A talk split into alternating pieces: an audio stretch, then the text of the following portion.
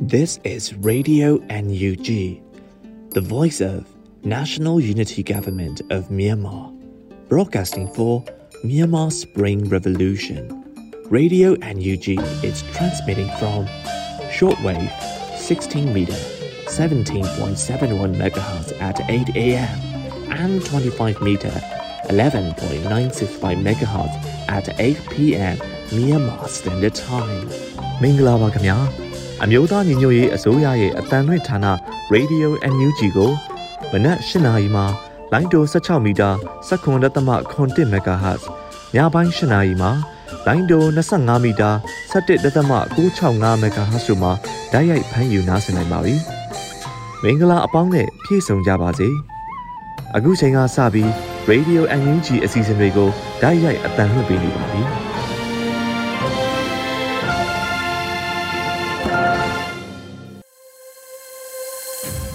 မြန်မာနိုင်ငံသူနိုင်ငံသားအပေါင်းတဘာဝဘေးဆရာနာရှင်ပြည်တို့ကနေကင်းဝေးပြီးကိုစိတ်နှစ်ပါးဘေးကင်းလုံခြုံကြပါစေလို့ရေဒီယို NUG ဖွယ်သားများကဆုတောင်းမေတ္တာပို့သလိုက်ရပါတယ်။အခုချိန်ကစပြီးရေဒီယို NUG ရဲ့နောက်ဆုံးရပြည်တွင်းသတင်းတွေကိုမျိုးဦးမှမှဖတ်ကြားတင်ပြပေးပါမယ်ရှင်။မင်္ဂလာပါရှင်။ပြည်တွင်းသတင်းများကိုတင်ဆက်ပေးမှာဖြစ်ပါတယ်။အခုတင်ဆက်မဲ့သတင်းတွေကို Radio NUG သတင်းတာဝန်ခံတွေနဲ့ခိုင်လုံတဲ့မိဘသတင်းရင်းမြစ်တွေက အခြေခံတင်ပြထားတာပဲဖြစ်ပါတယ်။ကျမຫນွေဦးမော်ပါလေးကေကုံမြို့တင်မှာမီးလောင်ခဲ့တဲ့ဆိုတဲ့သတင်းကိုဥစွာတင်ဆက်ပေးပါမယ်။ကရင်ပြည်နယ်မြရီမြို့နယ်ကစစ်ကောင်စီတပ်ဆွဲထားတဲ့လေးကေကုံမြို့တင်မှာဒီဇင်ဘာလ28ရက်နေ့ညပိုင်းမှာမီးလောင်နေတယ်လို့ရေပြင်သတင်းရင်းမြစ်တွေစီကနေသိရပါဗျ။ဒီဇင်ဘာလ28ရက်ည8နာရီခန့်ကလေးကေကုံမြို့တစ်၄ရက်ကွက်နဲ့9ရက်ကွက်နေရာတွေမှာမီးလောင်နေတာကို အဝေးကနှမ်းမြင်နေရတယ်လို့ဒေသခံတွေကပြောပါတယ်။အခုမှစလောင်တာမီးကတော်တော်ကြီးတယ်။အဝေးကနေတော့နှမ်းမြင်နေရတာသူတို့ပဲမီးရှို့တာနေမှာပေါ့။မြို့ရဲသူတို့ပဲကျင်းခဲ့တာလေလို့ဒေသခံတဦးကပြောပါတယ်။ကရင်အမျိုးသားအစည်းအရုံး KNU တပ်မဟာ6နယ်မြေအတွင်းမှာရှိတဲ့လေးကိကောအမည်ရငင်းငယ်ရင်မြို့တမှာဒီဇင်ဘာလ15ရက်ကစတင်ပြီးတော့တိုက်ပွဲတွေဖြစ်ပွားခဲ့ပြီးမြို့ရင်းမှာစစ်ကောင်စီတပ်ကတပ်ဆွဲထားခြင်းဖြစ်ပါတယ်။ဒါအပြင် တိုက်ပွဲအတွင်းကြာဆုံးများလာပြီးနောက်ဒီကေကောဒေတာကိုစစ်ကောင်စီကလေကြောင်းကနေတိုက်ခိုက်မှုကိုဒီဇင်ဘာလ23ရက်မှာစတင်ပြီးပြုလုပ်လျက်ရှိနေပါတယ်ရှင်။ဒေါ်လာတန်း900ရင်းနှီးမြုပ်နှံမဲ့ကလဒန်စီမံကိန်းကိုမြမြဆက်ဆက်အကောင့်ထဲပေါ်နိုင်ရန်အိန္ဒိယနိုင်ငံသားရဲ့အတွင်းဝင်ကမြန်မာပြည်ခီးစဉ်အတွင်းမှာဂရိပြုခဲ့တဲ့ဆိုတဲ့သတင်းကိုတင်ဆက်ပေးပါမယ်။ကလဒန်ဘတ်စုံ3စီမံကိန်းကိုညံစမ်းစွာအကောင့်အထည်ဖော်ဖို့ အိန္ဒိယအစိုးရနိုင်ငံသားရေးအတွင်းဝင် Sharon Harris Barden Sharon Gla ကမြန်မာပြည်ခီးစဉ်အတွင်းအာဏာသိမ်းစစ်ကောင်စီနဲ့တွေ့ဆုံစဉ်မှာဂရိပြုပြောကြားခဲ့တယ်လို့သိရပါတယ်။ပြီးခဲ့တဲ့တောက်ကြနေ့ကမြန်မာနိုင်ငံဆိုင်ရာအိန္ဒိယတန်ယုံရန်ကုန်ကအထက်ပါအတိုက်နိုင်ငံသားရေးအတွင်းဝင်တဲ့ဆွေးနွေးမှုတွေကိုထုတ်ပြန်ခဲ့ခြင်းဖြစ်ပြီးသုံးနိုင်ငံအဝေးပြေးလမ်းစီမံကိန်းကိုလည်းဖော်ဆောင်မှုထည့်သွင်းထုတ်ပြန်ထားပါတယ်။ဒါအပြင်အိန္ဒိယမြန်မာနယ်စပ်ဒေသတွေမှာနေထိုင်ကြသူတွေအပါအဝင် ပြည်သူဗဟိုပြုလူမှုစီးပွားဖွံ့ဖြိုးတိုးတက်ရေးစီမံကိန်းများအတွက်အိန္ဒိယနိုင်ငံကဆက်လက်ထောက်ပံ့မှုတွေပြုလုပ်မယ်လို့သိရပါတယ်။ကလဒန်ဘတ်စုံသုံးဖြတ်တန်းတည်ယူပို့ဆောင်ရေးစီမံကိန်းကို American Dollar တန်း900ခန့်ယင်းနှိမ့်နှံပြီးအိန္ဒိယမြန်မာနိုင်ငံကြားဆောင်ရွက်နေခြင်းလည်းဖြစ်ပါတယ်။စီမံကိန်းစတင်နိုင်မှုအိန္ဒိယအစိုးရဘက်က2002ခုနှစ်ကတည်းကစတင်ဆောင်ရွက်နေခြင်းဖြစ်ပြီးနှစ်နိုင်ငံကြားတရားဝင်သဘောတူလက်မှတ်ရေးထိုးခြင်းကိုတော့2008ခုနှစ်မှာပြုလုပ်ခဲ့ပါတယ်။ NLD အစိုးရလက်ထက်နိုင်ငံတော်သမ္မတရဲ့အိန္ဒိယခီးစဉ်အတွင်းနှစ်နိုင်ငံနယ်စပ်ဒေသဖွံ့ဖြိုးရေးအတွက်ကုန်သွယ်ရေးလမ်းကြောင်းတွေဖောက်လုပ်မှုကိုဆက်လက်ဆောင်ရွက်ဖို့ MOU 10ခုအထိသဘောတူရေးထိုးခဲ့ကြပါတယ်။အဲ့ဒီအထက်မှာကလဒန်စီမံကိန်းရဲ့နောက်ဆုံးအပိုင်းဖြစ်တဲ့ပလဝဇိုရန်ပူလန်ဖောက်လုပ်မှုကိုစောလင်းစွာ PC ရဲ့အတွက်ဂရုပြုခဲ့ကြတယ်လို့အိန္ဒိယတန်ယုံကသတင်းထုတ်ပြန်ခဲ့ပါတယ်။လက်ရှိမှာအိန္ဒိယဘက်ကကလဒန်စီမံကိန်းအပါအဝင် မြန်မာပါဝင်ပတ်သက်နေတဲ့နှစ်နိုင်ငံပူးပေါင်းမှုစီမံကိန်းတွေကိုဆက်လက်ဖော်ဆောင်လိုနေပြီးနိုင်ငံခြားရေးအတွေ့အဝင်ခီးစဉ်မှာနေဆက်ဒေတာဖွံ့ဖြိုးတိုးတက်ရေးအစီအစဉ်ရခိုင်ပြည်နယ်ဖွံ့ဖြိုးတိုးတက်ရေးအစီအစဉ်တွေမှာပါဝင်တဲ့စီမံကိန်းတွေကိုလည်းဆက်လက်ဆောင်ရွက်ဖို့အိန္ဒိယနိုင်ငံရဲ့ကတိကဝတ်ကိုထပ်လောက်အတည်ပြုပြောကြားခဲ့တယ်လို့အိန္ဒိယတန်ယုံရန်ကုန်ကထုတ်ပြန်ထားပါတယ်။လက်ရှိအချိန်မှာမတရားအာဏာသိမ်းယူထားတဲ့စစ်ကောင်စီကို နိုင်ငံတကာအတိုင်းဝိုင်းကအဖက်ဖက်ကနေကန့်ကွက်နေတဲ့အချိန်မှာအိန္ဒိယနိုင်ငံရဲ့နိုင်ငံသားရေးအတွင်းဝင်ကမြန်မာပြည်တွင်းခီးစဉ်တွင်ကလဒန်ဘတ်စုံစီမံကိန်းကိုအလျင်စလိုပြီးစီးအောင်လှုပ်ဆောင်စေရတဲ့အတွက်တွန်းအားပေးနေတာကိုတွေ့မြင်နေရပါတယ်ရှင်။ဖခင်မအယံမီသက်အရာရှိတူဒီကနေ့နနက်ပိုင်း9နာရီဝန်းကျင်အချိန်ခန့်ကလန်ခုလက်တနေရာမှာပြစ်သက်ခံရကြောင်းသိရပါတယ်။ပြစ်သက်ခံရသူမှာမော်ဝိုင်းရက်ကွက်ခုနှစ် ရေအေးချောင်းတွင်နေထိုင်သည့်အသက်50ဝန်းကျင်အရွယ်ရှိတဲ့ကိုတန်းကျော်ခေါ်ဆိုသူဖြစ်ပြီးတနက်တန်ရ3နေရထိမှန်ပြီးတေဆုံးသွားတယ်လို့ဒီဆက်ရပြည်သူတအူးကပြောပါတယ်။ပြစ်သက်ခံရသူကဖားခင်ရဲ့အယံမီသက်ကအရာရှိတအူးဖြစ်တဲ့နက်နက်အစောပိုင်းကပြစ်သက်ခံရတာတနက်တန်ရက3ချက်တွေ့ရတယ်လို့ပြောပါတယ်။ကိုတန်းကျော်ဟာသူ့ရဲ့အမျိုးသမီးကိုဈေးလိုက်ပို့ပေးရင်းမော်မောလီယန်နဲ့တောင်ပြိုကျေးရွာနှစ်ခုကြားလမ်းတနေရာမှာပြစ်သက်ခံခဲ့ရတယ်လို့သိရပါတယ်။ သေဆုံးသွားတဲ့ကိုတန်းကျော်ဟာဖားကအယံမီသက်အဖွဲ့မှာတာဝန်ကိုထမ်းဆောင်နေဒီမှာတက်တန်းကြာမြင့်လူတဦးလည်းဖြစ်ကြောင်းသိရပါတယ်။ဖားကမှာပြီးခဲ့တဲ့နိုဝင်ဘာလ25ရက်နေ့ည9:00နာရီအချိန်ကမှလည်းအယံမီသက်တဦးအသက်ခံရပြီးအခုသေဆုံးမှုဟာဒုတိယအကြိမ်အသက်ခံရခြင်းဖြစ်ကြောင်းသိရှိရပါတယ်ရှင်။မြန်မာစစ်တပ်ကရက်ဆက်ကြမ်းကြုတ်မှုများထပ်မံမပြုလုပ်ရန်လက်နက်နဲ့ဤပညာရောင်းချမှုရပ်ဆိုင်းမှုအမေရိကန်ကတိုက်တွန်းလိုက်ပါတယ်။ မြန်မာစစ်တပ်ဟာရက်ဆက်ကြမ်းကြုတ်မှုများထပ်မံမပြုလုပ်နိုင်ရန်အတွက်နိုင်ငံတကာအနေနဲ့လက်နက်နဲ့ဤပညာရောင်းချမှုကိုရပ်ဆိုင်းရန်အမေရိကန်နိုင်ငံကတိုက်တွန်းလိုက်ပါတယ်။အမေရိကန်နိုင်ငံသားရေးဝန်ကြီးအန်တိုနီဂျီဘလင်ကန်ရဲ့ထုတ်ပြန်ချက်မှာအထက်ပါအတိုင်းဖော်ပြထားခြင်းပဲဖြစ်ပါတယ်။ဒီဇင်ဘာ24ရက်နေ့ကကယားပြည်နယ်မှာကျူးလွန်ခဲ့တဲ့စစ်ကောင်စီတပ်ရဲ့တိုက်ခိုက်မှုမှာ အ ਨੇ ဆုံးလူ35ဦးခန့်သေဆုံးခဲ့ရပြီးမျိုးသမီးများနဲ့ကလေးငယ်များနိုင်ငံတကာအကူအညီပေးရေးအဖွဲ့အစည်းတစ်ခုဖြစ်တဲ့ Save the Children မှဝန်ထမ်း2ဦးတို့ပါဝင်ခဲ့ကြောင်းရင်းလုံရက်ကိုအမေရိကန်ပြည်ထောင်စုမှကန့်ကွက်ရှုံချကြောင်းဆိုထားပါတယ်။အခုလက်တလောကယားပြည်နယ်နဲ့ကရင်ပြည်နယ်အပါအဝင်မြန်မာနိုင်ငံတဝန်းလုံးဒီမှာစစ်အာဏာရှင်ရဲ့ရက်ဆက်ကြမ်းကြုတ်တဲ့လုပ်ရက်အပေါ်ဆိုရင်ကြောင့်အပြစ်မဲ့ပြည်သူများနဲ့ လူသားချင်းစာနာမှုအကူအညီပေးအပ်နေသူများကိုပြစ်မှတ်ထားခြင်းကိုလက်ခံနိုင်စရာမရှိကြောင်းမြန်မာပြည်သူများအပေါ်စစ်တပ်ရဲ့ကြဲကြဲပြန့်ပြန့်တန်းကျုပ်ရက်ဆက်သည့်လုပ်ရများသည်စစ်တပ်တာဝန်ရှိသူများကိုတာဝန်ယူမှုတာဝန်ခံမှုရှိစေပြီးစစ်တပ်အနေနဲ့ပြည်ဒဏ်ခံရခြင်းမှကင်းလွတ်နေတဲ့အစဉ်လာကိုအလင်းအမြန်အဆုံးသက်ရန်လို့အလျက်ရှိကြောင်းမီးမောင်းထုတ်ပြနေတယ်လို့ထုတ်ပြန်ချက်ကဆိုပါတယ်။နိုင်ငံတကာအတိုင်ဝန်းအနေဖြင့်လည်းအီယီမန်ချက်အတိုင်းဆက်လက်အကောင့်ထဲပေါ်ရန်နဲ့ စစ်လက်နက်ပစ္စည်းများနဲ့စစ်ဖက်အရက်ဖက်သုံးနည်းပညာများအားစစ်တပ်တို့ရောင်းချမှုရက်ဆိုင်ခြင်းကဲ့သို့သောမြန်မာနိုင်ငံအတွင်းကျန်းကျုပ်ရက်ဆက်သည့်လုပ်ရများထပ်မံမဖြစ်ပွားစေရေးတားဆီးမှုမျိုးကိုပုံမကျဲပြန့်စွာဆောင်ရွက်ရန်လိုအပ်တယ်လို့ဆိုပါတယ်။ဖေဖော်ဝါရီလတရက်အာနာသိန်းတဲ့အချိန်ကနေစပြီးအမေရိကန်ပြည်ထောင်စုမှာမြန်မာစစ်တပ်စစ်ကောင်းဆောင်များနဲ့၎င်းတို့ရဲ့ဗန္နာရေးအကျိုးစီးပွားများကိုပြစ်မှတ်ထားအရေးယူပိတ်ဆို့မှုများပြုလုပ်ခြင်းနဲ့ နိုင်ငံတကာဗန္နာရေးစနစ်အတွင်း၎င်းတို့ဝင်ရောက်နိုင်မှုအဟန့်တားရေးတို့ကိုဆောင်ရွက်ခဲ့ကြောင်းမိမိတို့ရဲ့မိဘများမဟာမိတ်များနဲ့အတူကုလသမဂ္ဂရဲ့မြန်မာနိုင်ငံဆိုင်ရာလွတ်လပ်သောစုံစမ်းစစ်ဆေးမှုရန်တရား IMM ကိုပံ့ပိုးကူညီခြင်းကဲ့သို့တာဝန်ယူမှုတာဝန်ခံမှုရှိစေရတိုးမြင့်ဆောင်ရွက်ခြင်းကိုဆက်လက်လှုံ့ဆော်သွားမှာဖြစ်ကြောင်းတစ်ဖက်တွင်လည်းမြန်မာနိုင်ငံကိုငြိမ်းချမ်းရေးနဲ့ဒီမိုကရေစီလမ်းကြောင်းပေါ်ပြန်လည်ရောက်ရှိစေရန် ဆက်လက်တွန်းအားပေးသွားမှာဖြစ်ကြောင်းလူသားချင်းစာနာမှုအကူအညီပေးအပ်နေသူများ၏လုံခြုံရေးပေးကြမှုရှိစေရန်နဲ့မြန်မာပြည်သူများအတွက်လူသားချင်းစာနာထောက်ထားမှုအကူအညီပေးအပ်နေသည့်သူများအားအတားအဆီးမရှိအကူအညီပေးခွင့်ပြုရန်မြန်မာစစ်အာဏာရှင်ကိုတောင်းဆိုကြောင်းဖော်ပြထားပါတယ်ရှင်။ဒေါ်လာနှစ်ကူးဂျူဇူပွဲကိုဆန်ဖရန်စစ္စကိုဘေးအေရီးယားမှာမြန်မာ community ကကျင်းပမယ်ဆိုတဲ့သတင်းကိုတင်ဆက်ပေးပါမယ်။ Federal Democracy New Year အဖြစ်နယူးဒေါ်လာရေးအင်အားစုများကနှစ်သစ်2022ကိုသတ်မှတ်လိုက်ကြပါပြီ။နှစ်သစ်ကိုလည်းကြိုမယ်။ဖက်စစ်ကိုလည်းဖြိုမယ်လို့ကြွေးကြော်သံထုတ်ပြန်ထားကြပါတယ်။ထို့အတူ CRPH supporting SFB area မြန်မာ community က Revolutionary Empowerment to Victory RAV 2022တော်လန်နှစ်ကူးကြိုးစုပွဲကိုဒီဇင်ဘာ31ရက်ညမှာကျင်းပဖို့စီစဉ်ထားပါတယ်။ ဒီဇင်ဘာ31တောက်ကြနေ့ညမှာတော့ Revolutionary Empowerment to Victory RAV Galabati ကိုနှစ်သစ်မှာပြည်သစ်တည်ဖို့တက်ရောက်ခဲ့ကြဖို့နဲ့ထိုင်ကုန်အရေးအတွက်ကိုကန့်သက်ထားပြီးဒေါ်လာ100ဒေါ်လာ200ဒေါ်လာ300နဲ့အထက်ကြိုတင်မှာယူပြီးများများလူပြစ်အောင်တိုက်တွန်းထားတယ်လို့သိရှိရသလိုပွဲတော်အတွက်ကုန်ကြစည်အားလုံးကိုလည်းဖွဲ့သားများနဲ့လူရှင်များကစိုက်ထုတ်ကြခံကြတယ်လို့သိရှိရပါတယ်။အ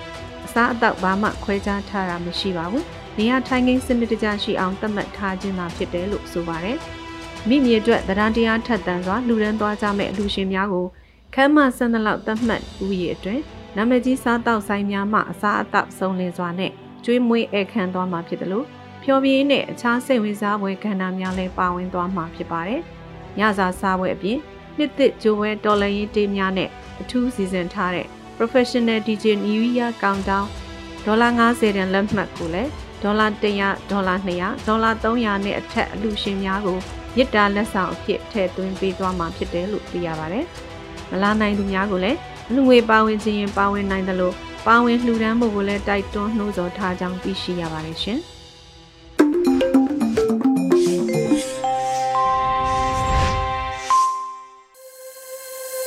ဒီတစ်ခါမှာတော့ငွေကြေးနဲ့ပတ်သက်ပြီးတော့ထိုင်းနိုင်ငံရဲ့ခရစ်တိုငွေကြေးအပိုင်းနှစ်ကိုမမခဆောင်းပါမှအောင်သူငိမ့်ရေးသားထားပြီးတော့မျိုးဦးမောင်မှဖက်ကြားတင်ပြထားတာကိုနားဆင်ကြရမှာဖြစ်ပါရဲ့ရှင်။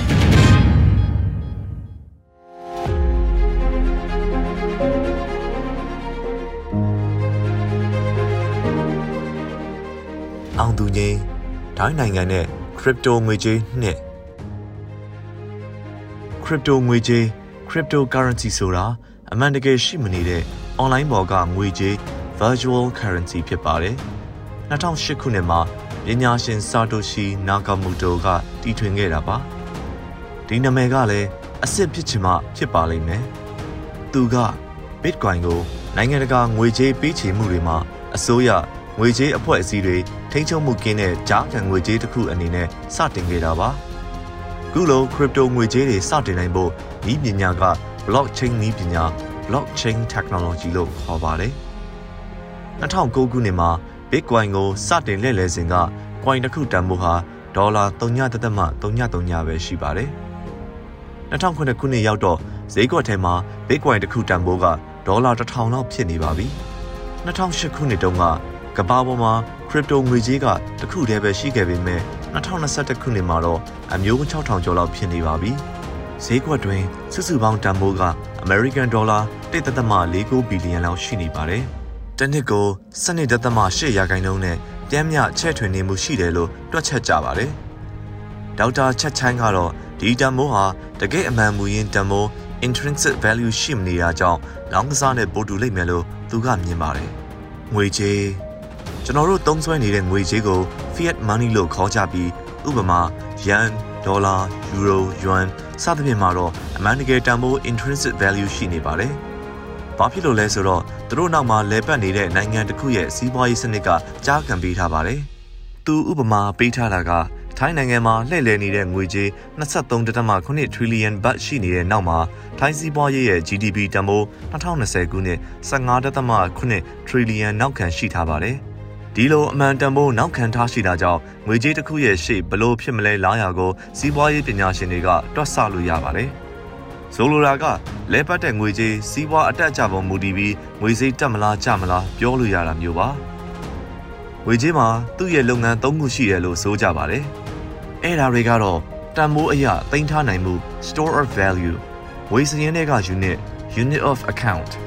ဖလှယ်ပေးချေမှုအတွက်ကြားခံ medium of exchange လို့ဆိုကြပါတယ်။အခု crypto ငွေကြေးမှာလည်းဒီလိုလုပ်ငန်းသုံးခုစလုံးလုပ်ပေးနေနိုင်တာပါ။တစ်ခုပါပဲ။ Bitcoin တစ်ခုကိုဒေါ်လာ6800ကျော်ရှိရာကနေ4800ကျော်ကိုပြန်ပြုတ်ကျတာမျိုးကတော့အတော့ကိုအတက်အကျကျန်းတယ်လို့ဆိုရပါလိမ့်မယ်။ Mr. Nakamoto Bitcoin ကို2008ခုနှစ်မှာစတင်တည်ထွင်စဉ်ကအမှန်တန်ဖိုးက3.33ဒေါ်လာပါ။ ဒီလိုအမှန်တန်ဖိုးမရှိပေမဲ့သူရည်ရွယ်ထားသလိုငွေပေးချေမှုကြားခံဖြစ်နိုင်သလားဆိုတော့ဖြစ်နိုင်ပါတယ်အခုဖြစ်နေပါပြီ crypto ငွေကြေးက fiat money တွေလိုပဲနိုင်ငံတကာအများစုမှာအစားထိုးနေရယူလာကြပါပြီဗန်နီဇွဲလားနိုင်ငံကဥပမာတစ်ခုပါဗန်နီဇွဲလားမှာငွေကြေးဖောင်းပွားမှုနှုန်းက1200ရာခိုင်နှုန်းရှိနေပါတယ်ဒါကြောင့်လူတွေကဒေသခံငွေကြေး Bolivars ကိုမကင်ကျင်ကြတော့ပါဘူးဒါကြောင့်ဗန်နီဇွဲလားပြည်သူတွေက ခရစ်တိုငွေကြေးကိုပြောင်းကင်ပေးချေမှုလုပ်လာကြပါတယ်။ဒါပေမဲ့သူတောင်ကမ္ဘာမှာခရစ်တိုငွေကြေးကင်သုံးတဲ့အဆင့်9နိုင်ငံပါ။ကမ္ဘာခရစ်တိုငွေကြေးညွှန်းကိန်း Global Crypto Adoption Index 2021အရကမ္ဘာပေါ်မှာထိပ်တန်းခရစ်တိုသုံးနေတာဗီယက်နမ်ပါ။ဖြစ်နိုင်တာက VNN စီးပွားရေးတက်နေတာကငွေကြေးဈေးကွက်ဖွံ့ဖြိုးနေတာပံ့ပိုးနိုင်တာထက်စာရင်ပုံမြန်နေလို့ဖြစ်နိုင်ပါတယ်။ဆိုလိုတာကနိုင်ငံတကာငွေပေးချေမှုတွေမှာ VNN ကုန်သည်တွေအဖို့ ပုံမြန်ဆန်ဖို့လိုအပ်လာနေပါတယ်။နောက်တစ်ဖုံစဉ်းစားနိုင်တာကအခွန်ဘလို့ကောက်မလဲ။အခွန်ရှောင်နေတာကြောင့်လည်းဖြစ်နိုင်ပါတယ်။ Digital ငွေကြေး Digital Currency နဲ့ Crypto ငွေကြေး Cryptocurrency ဒီနှစ်ခုကကွာခြားချက်ရှိပါတယ်။ Digital ငွေကြေးကထုတ်ဝေထားတဲ့ငွေစက္ကူတွေရဲ့ Digital ပုံစံမှာတရုတ်နိုင်ငံအပါအဝင်ဗဟိုဘဏ်ကြောထောက်နောက်ခံပြု Digital ငွေကြေး Central Bank Digital Currency CBDC ကိုထုတ်ဖို့လုပ်နေကြပါတယ်။ အစိုးရတွေက crypto ငွေကြေးထုတ်ရင်ရောမဖြစ်နိုင်ဘူးလားအတိတ်ပဲမရှိပါဘူး။ Venezuela အစိုးရက Petro ဆိုပြီး crypto ငွေကြေးစမ်းထုတ်ကရှာရှုံးခဲ့ပါတယ်။ crypto ငွေကြေးကတော့တမျိုးဘာသာပါ။သူကလည်းကမ္ဘာစီးပွားရေးလာရာကိုပြောင်းသွားစေဖို့အကြောင်းရှိနေပါတယ်။ဘာဘာဆိုတာကတရုတ်နိုင်ငံရဲ့ e-commerce အကြီးဆုံး platform တစ်ခုပါ။ဖောက်တယ်ပေါင်း1.8ဘီလီယံရှိပါတယ်။အဲ့ဒီအထက်ကတရုတ်နိုင်ငံမှာ912တန်းနဲ့ ပြည်ပနိုင်ငံတွေမှာ265တန်းရှိနေပါတယ်။ဆိုပါစို့ဒါဟာစိတ်ကူးရင်ဇလန်တစ်ခုလုံးကြည့်တာပါ။ဘာဘာကသူကိုယ်ပိုင်ဘာ coin ဆိုပြီးငွေပေးချေဖို့ကိစ္စတွေအတွက်တရုတ်ယွမ်နဲ့ရှင်ပြီးထုတ်မယ်ဆိုပါစို့။ဈေးဝယ်သူတွေကဘာဘာရဲ့လက်ခွဲငွေကြေးနည်းပညာ fintech ကုမ္ပဏီ ANDC ကဘာကွိုင်းကိုချေယူနိုင်ပါတယ်။အဲ့ဒီ AND ကုမ္ပဏီကလည်းဈေးရောက်မှုတွေကိုလှုံ့ဆော်နိုင်ဖို့ဘာပေးဆိုပြီးလှုပ်ထားပါတယ်။ ဈေးဝယ်သူတွေကဘာကွိုင်းကိုသုံးယုံမကပဲပစ္စည်းပေးသွင်းရောင်းချသူတွေကလည်းဘာကွိုင်းကိုသုံးပြီးရောင်းဝယ်ကြဖို့တိုက်တွန်းပါမယ်။ဒါဆိုရင်တိတ်မကြခင်မှာပဲတရုတ်နဲ့နိုင်ငံတကာကြားမှာအကြံအပြတ်သုံးနေတဲ့ငွေကြေးတစ်ခုဖြစ်လာမှာပါ။ဆိုပါစို့အကယ်၍တစုံတဦးက prime assets တွေဝယ်ယူဖို့ကမ်းလှမ်းလာမယ်ဆိုပါစို့။ဘာကွိုင်းကအခုဒေဝါလီခံရလူဆက်ဆက်ဖြစ်နေတဲ့တရုတ်ကအင်အားကုမ္ပဏီ Evergrande ကိုပါကဲတင်နိုင်ပါသေးတယ်။ဆိုလိုတာက AND ကုမ္ပဏီကဖန်တီးထားတဲ့ဘာကွိုင်းနဲ့အိမ်တွေကိုဝယ်ယူနိုင်ပါမယ်။ဒီလိုပိုင်ဆိုင်မှု unit တစ်ခုချင်းရဲ့တန်ဖိုးကိုဘာဘာ website မှာတင်ထားတဲ့အခါနိုင်ငံတကာကစိတ်ဝင်စားသူတွေကလည်းကြည့်နိုင်ပါတယ်။အဲ့ဒီအခါအိမ်ယာဝယ်ဖို့စိတ်ဝင်စားသူတွေကဘာကွိုင်းချင်းငွေကိုရယူပြီးအိမ်ယာတွေကိုရေရှည်အိမ်ဝယ်စနစ် mortgage နဲ့ဝယ်နိုင်ပါလိမ့်မယ်။ကြိုတင်ငွေပေးချေစရာမလို zero down payments ငွေတိုးမရှိတကယ်ရေးချေချင်းငွေအဖြစ်အိမ်ယာတွေဝယ်ကြပါလိမ့်မယ်။အမှန်တော့ ဘာကွိုင်းအတွက်ဘာဘာကုမ္ပဏီမှာအမှန်တန်ဖိုးဘာမှရှိစရာမလိုပါဘူး။အမှတ်ရဖို့က crypto ငွေကြေးဆိုတာအမှန်တန်ဖိုးမရှိတဲ့စိတ်ကူးရင်တွေကငွေကြေးပါ။ဒီလိုနဲ့အချိန်တိုအတွင်းမှာပဲဘာဘာကုမ္ပဏီကတရုတ်စီးပွားရေးတစ်ခုလုံးကိုထိန်းချုပ်သွားနိုင်ပါလိမ့်မယ်။ဘာဖြစ်လို့လဲဆိုတော့သူကဘာကွိုင်းကိုထိန်းချုပ်ထားလို့ပါပဲ။ဒီလိုစိတ်ကူးရင်အခြေအနေတစ်ခုကိုစဉ်းစားကြည့်ပါ။တရုတ်အစိုးရနဲ့တရုတ်နိုင်ငံဗဟိုဘဏ်ဗန်များကဘလို့တဘောထားကြမှာပါလဲ။ စိုက်မှာမဟုတ်ပါဘူး။စာဖတ်သူတွေကပဲအခုဇလန်းညီကုံကိုစဉ်းစားကြည့်နိုင်ပါတယ်။အခုလိုစိတ်ကူးရင်ဇလန်းကဖောပြနေတာကအမှန်တန်မိုးမရှိတဲ့ဘာကွိုင်းကခဏအကြာမှာအမှန်တန်ဖိုး intrinsic value တခုရှိလာပါတယ်။တန်ဖိုးက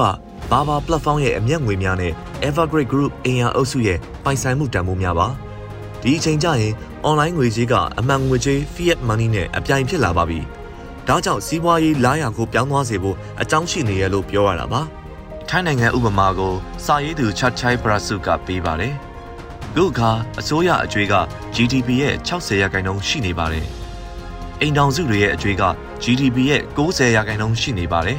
။ဒီအတိုင်းဆိုရေရှည်လက်ပတ်ရေးခက်ခဲနိုင်ပါတယ်။ဒီအခါမှာခုနကပြောတဲ့ဇလန်းလို crypto ငွေကြေးကငွေကြေးလှည့်ပတ်မှုတစ်ခုအတွက်နောက်ထပ်နီလန် alternative liquidity တစ်ခုဖြစ်လာနိုင်ပါတယ်။ အစောကပြောတဲ့ဘာဘာဇလန်းလိုပဲထိုင်းနိုင်ငံမှာထိုင်းမိုင်းနေတဲ့အိမ်ယာဈေးကွက်နဲ့ခရီးသွားလုပ်ငန်းပြန်ထူထောင်လာစေဖို့ကူညီနိုင်ပါတယ်။ဒီအခါမှာဘဏ်တွေစီမှာငွေချေးဖို့ဘယ်သူကလိုအပ်ပါအောင်မလဲ။ခရစ်တိုငွေကြေးကိုတီထွင်ခဲ့တဲ့သူကညံကြီးပါတယ်။အခုသူရည်ရွယ်ခဲ့တဲ့အတိုင်းလဲပေါက်မြောက်ခဲ့တယ်လို့စာရေးသူချာချိုင်ပရာစုကထင်ပါတယ်။အကြောင်းကတော့ကဘာကြီးတစ်ခုလုံးကကျွေးမြီမြောက်များတင်းနေကြပြီးငွေကြေးကဏ္ဍကလည်းပျော်လူလူနီးပါအခြေအနေရောက်နေတာကြောင့်ပါ။ ဗဟိုဘဏ်တွေကသူတို့စီးပွားရေးစနစ်တွေကိုပံ့ပိုးဖို့ငွေကြေး fiat money တွေရိုက်ထုတ်လုံးပိုင်းရင်အလုပ်တွေများနေကြပါတယ်။ဒါဆိုရင်နောက်ထပ်ရွေးချယ်စရာငွေကြေးတစ်ခုခုရှာဖို့မလိုအပ်ပါဘူးလား။ပိုးလို့ယုံကြည်နိုင်တဲ့ငွေကြေးတစ်ခုခုပေါ့လို့စာရေးသူချာချိုင်းပရဆုကသုံးသပ်ထားကြပါခင်ဗျာ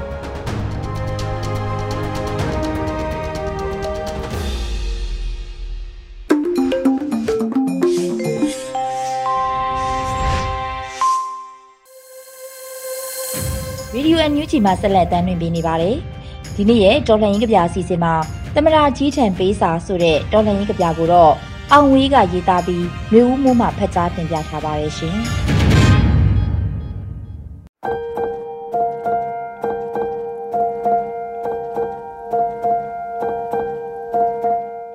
။မင်္ဂလာပါခင်ဗျာ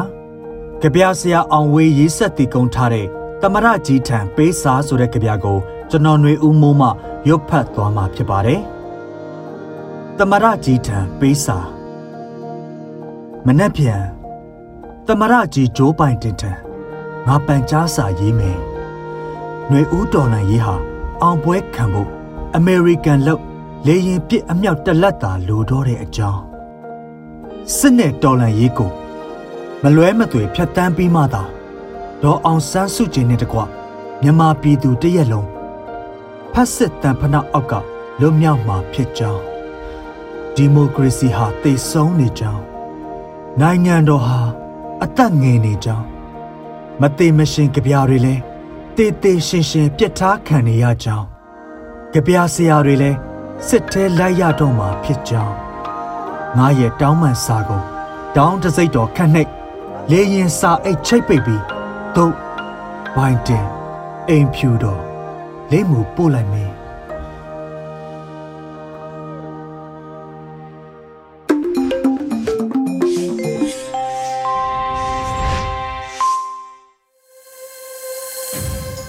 အခုဆက်လက်ပြီးနားဆင်ကြရမှာကတော့တော်လှန်ရေးဆောင်းပါအစီအစဉ်ဖြစ်ပါတယ်။ Omicron နှစ်တစ်ကူနဲ့တနက်တန်ဘုံတန်တွေနဲ့စစ်မြေပြင်ဖြစ်သွားတဲ့မြန်မာနိုင်ငံဆိုတဲ့မူမခသတင်းမြင်ကွင်းဆောင်းပါကိုတော့အေရီကဖတ်ကြားတင်ပြထားပါတယ်ရှင်။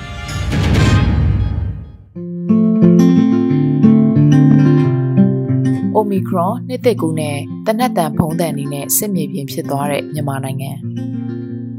နိုင်ငံတကာမှာကူးစက်မှုအရေးအတွက်မြင့်တက်စေတဲ့ Omicron လို့ခေါ်တဲ့ COVID မျိုးကွဲ virus ဟာမြန်မာနိုင်ငံကိုလည်းရောက်လာပြီဖြစ်ပါတယ်။ယောဂလက္ခဏာမပြင်းထန်ပေမဲ့လည်းကူးစက်မှုနှုန်းတာကအရင် virus တွေထက်အဆများစွာများပြားတာကြောင့်ကူးစက်ခံရသူအရေးအတွက်အပြင်အလွန်အမင်းများပြားစေတဲ့ပိုးကွဲဖြစ်ပါတယ်။ဥရောပနိုင်ငံတွေမှာတရက်ကို ကူးစက်ခံရသူတောင်းကနန်းကနေတိမ်ကနန်းအထိရှိလာနေပြီးကိုဗစ်ဗိုင်းရပ်စ်အတွက်ရေကန်မြေကန်ကောင်းမဲ့ဆောင်းရာသီလည်းဝင်လာချိန်ဖြစ်ပါတယ်။မြန်မာနိုင်ငံမှာတော့ပြီးခဲ့တဲ့ဇွန်လကနေစက်တင်ဘာလဆန်းလောက်အထိတနိုင်ငံလုံးအနှံ့အပြားဒေတာမျိုးကွဲကူးစက်ခံရပြီးလူတောင်းတဲ့ချီသေဆုံးခဲ့ရတယ်လို့တန်းတဲ့ချီကူးစက်ခံရတယ်လို့ခန့်မှန်းရပါတယ်။ လက်နက်ကင်ပြိပခအရှိန်မြင့်တက်လာချိန်လူအများစုအနေနဲ့အလုတ်အကင်ဆုံးရှုံးဝင်ငွေတွေကျဆင်းနေချိန်မှာကူးစက်ရောဂါကြားရောက်တာကြောင့်ထိခိုက်တဲ့နာထပ်ပိုးပြီးထိခိုက်ခဲ့ရတာလည်းဖြစ်ပါတယ်။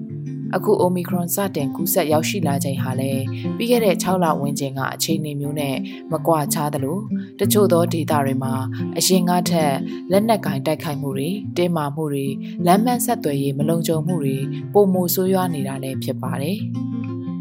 စေယုံစီကံကုသရေးစနစ်လည်းစစ်အာဏာမသိမ်းမီကအခြေအနေမျိုးပြန်မရောက်သေးသလိုအုပ်ချုပ်နေတဲ့စစ်ကောင်စီကိုလည်းလူအများစုကယုံကြည်မှုမရှိသလိုပူးပေါင်းဆောင်ရွက်မှုလည်းမလုပ်ကြပါဘူး။ဒီအခြေအနေတွေအောက်မှာ Omicron ကူးစက်မှုကျေပြန့်လာခဲ့ရင်တော့လူတွေရဲ့အသက်တွေအန္တရာယ်နဲ့ပိုနီးစေမှာဖြစ်တယ်လို့စင်ရဲမွဲတင်မှုကိုလည်းပို့ပြီးအရှိန်မြင့်စေမဲ့သဘောမှရှိနေပါတယ်။ အခုလိုအခြေအနေမှာမြန်မာနိုင်ငံရဲ့ကုလသမဂ္ဂအထူးကိုယ်စားလှယ်အဖြစ်မကြာခင်ကမှခန့်အပ်ခံခဲ့ရသူစင်ကာပူနိုင်ငံသူ Nolan Hazer ကနှစ်သက်ကူအခါသမယမှာလက်နက်ကင်တိုက်ပွဲတွေအပြစ်ရကြဖို့တိုက်တွန်းလိုက်ပါတယ်။ကုလအထူးကိုယ်စားလှယ်ကကိုဗစ်အန်ရီကိုလည်းရည်ညွှန်းထားသလိုလူသားချင်းစာနာထောက်ထားမှုအကူအညီတွေဖြန့်ဝေနိုင်မှုအတွက်လက်နက်ကင်တိုက်ပွဲတွေကိုရပ်ဆိုင်းပေးဖို့တိုက်တွန်းခဲ့ပါတယ်။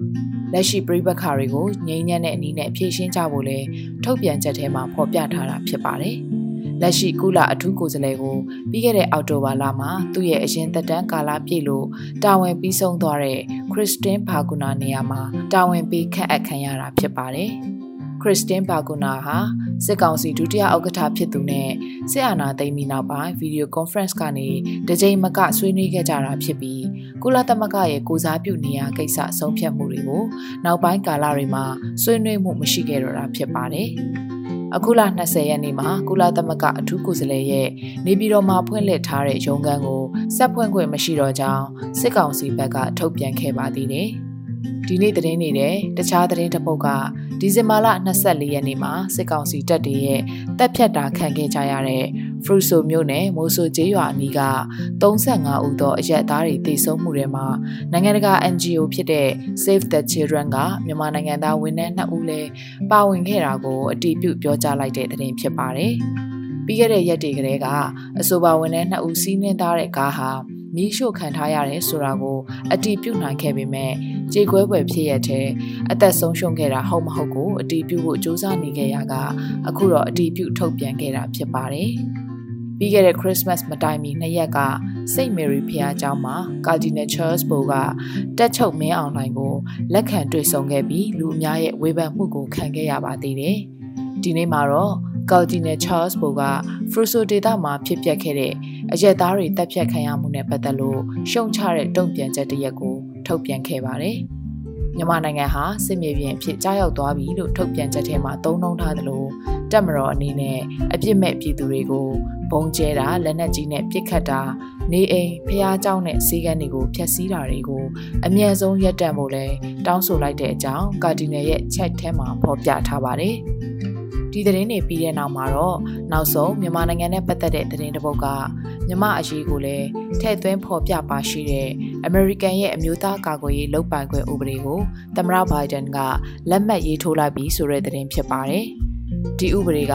အမေရိကန်ရဲ့ကာကွယ်ရေးဆိုင်ရာလုပ်ပိုင်ခွင့်ကိုလွှတ်တော်ကအဆိုပြုပြီးသမ္မတကအတည်ပြုလက်မှတ်ရေးထိုးခဲ့တာပါ။ အခုနှစ်မှာတော့မြမအရေးကအမေရိကန်ရဲ့ကဘာနဲ့ဆိုင်တဲ့မဟာဗျူဟာမှာအစိပ်ပိုင်းတစ်ခုအနေနဲ့ပါဝင်နေတဲ့သဘောဖော်ပြထားပြီးအဲ့ဒီအတွက်လုတ်ပိုင်ခွင့်သုံးဆွဲပိုင်ခွင့်ဘတ်ဂျက်တွေပါရှိတဲ့သဘောလည်းဖြစ်ပါတယ်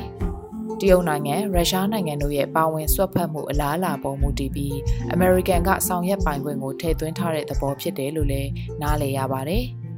ဒီဥပဒေကြောင့်မြန်မာလက်နက်ကင်တိုက်ပွဲတွေမှာအမေရိကန်ကပါဝင်ကူညီမယ်မကူညီဘူးဆိုတော့တိပတဲ့အတိတ်ပဲကောက်ယူမှုမျိုးတော့ကောက်ယူလို့မရပါပဲလက်ရှိမြန်မာအရေးကိုကမ္ဘာလုံးဆိုင်ရာမဟာဗျူဟာအရလိုအပ်ရင်လုတ်ပိုင်ခွင့်ပေးထားတဲ့သဘောလို့ရေပုံရဆိုရမယ်ထင်ပါတယ်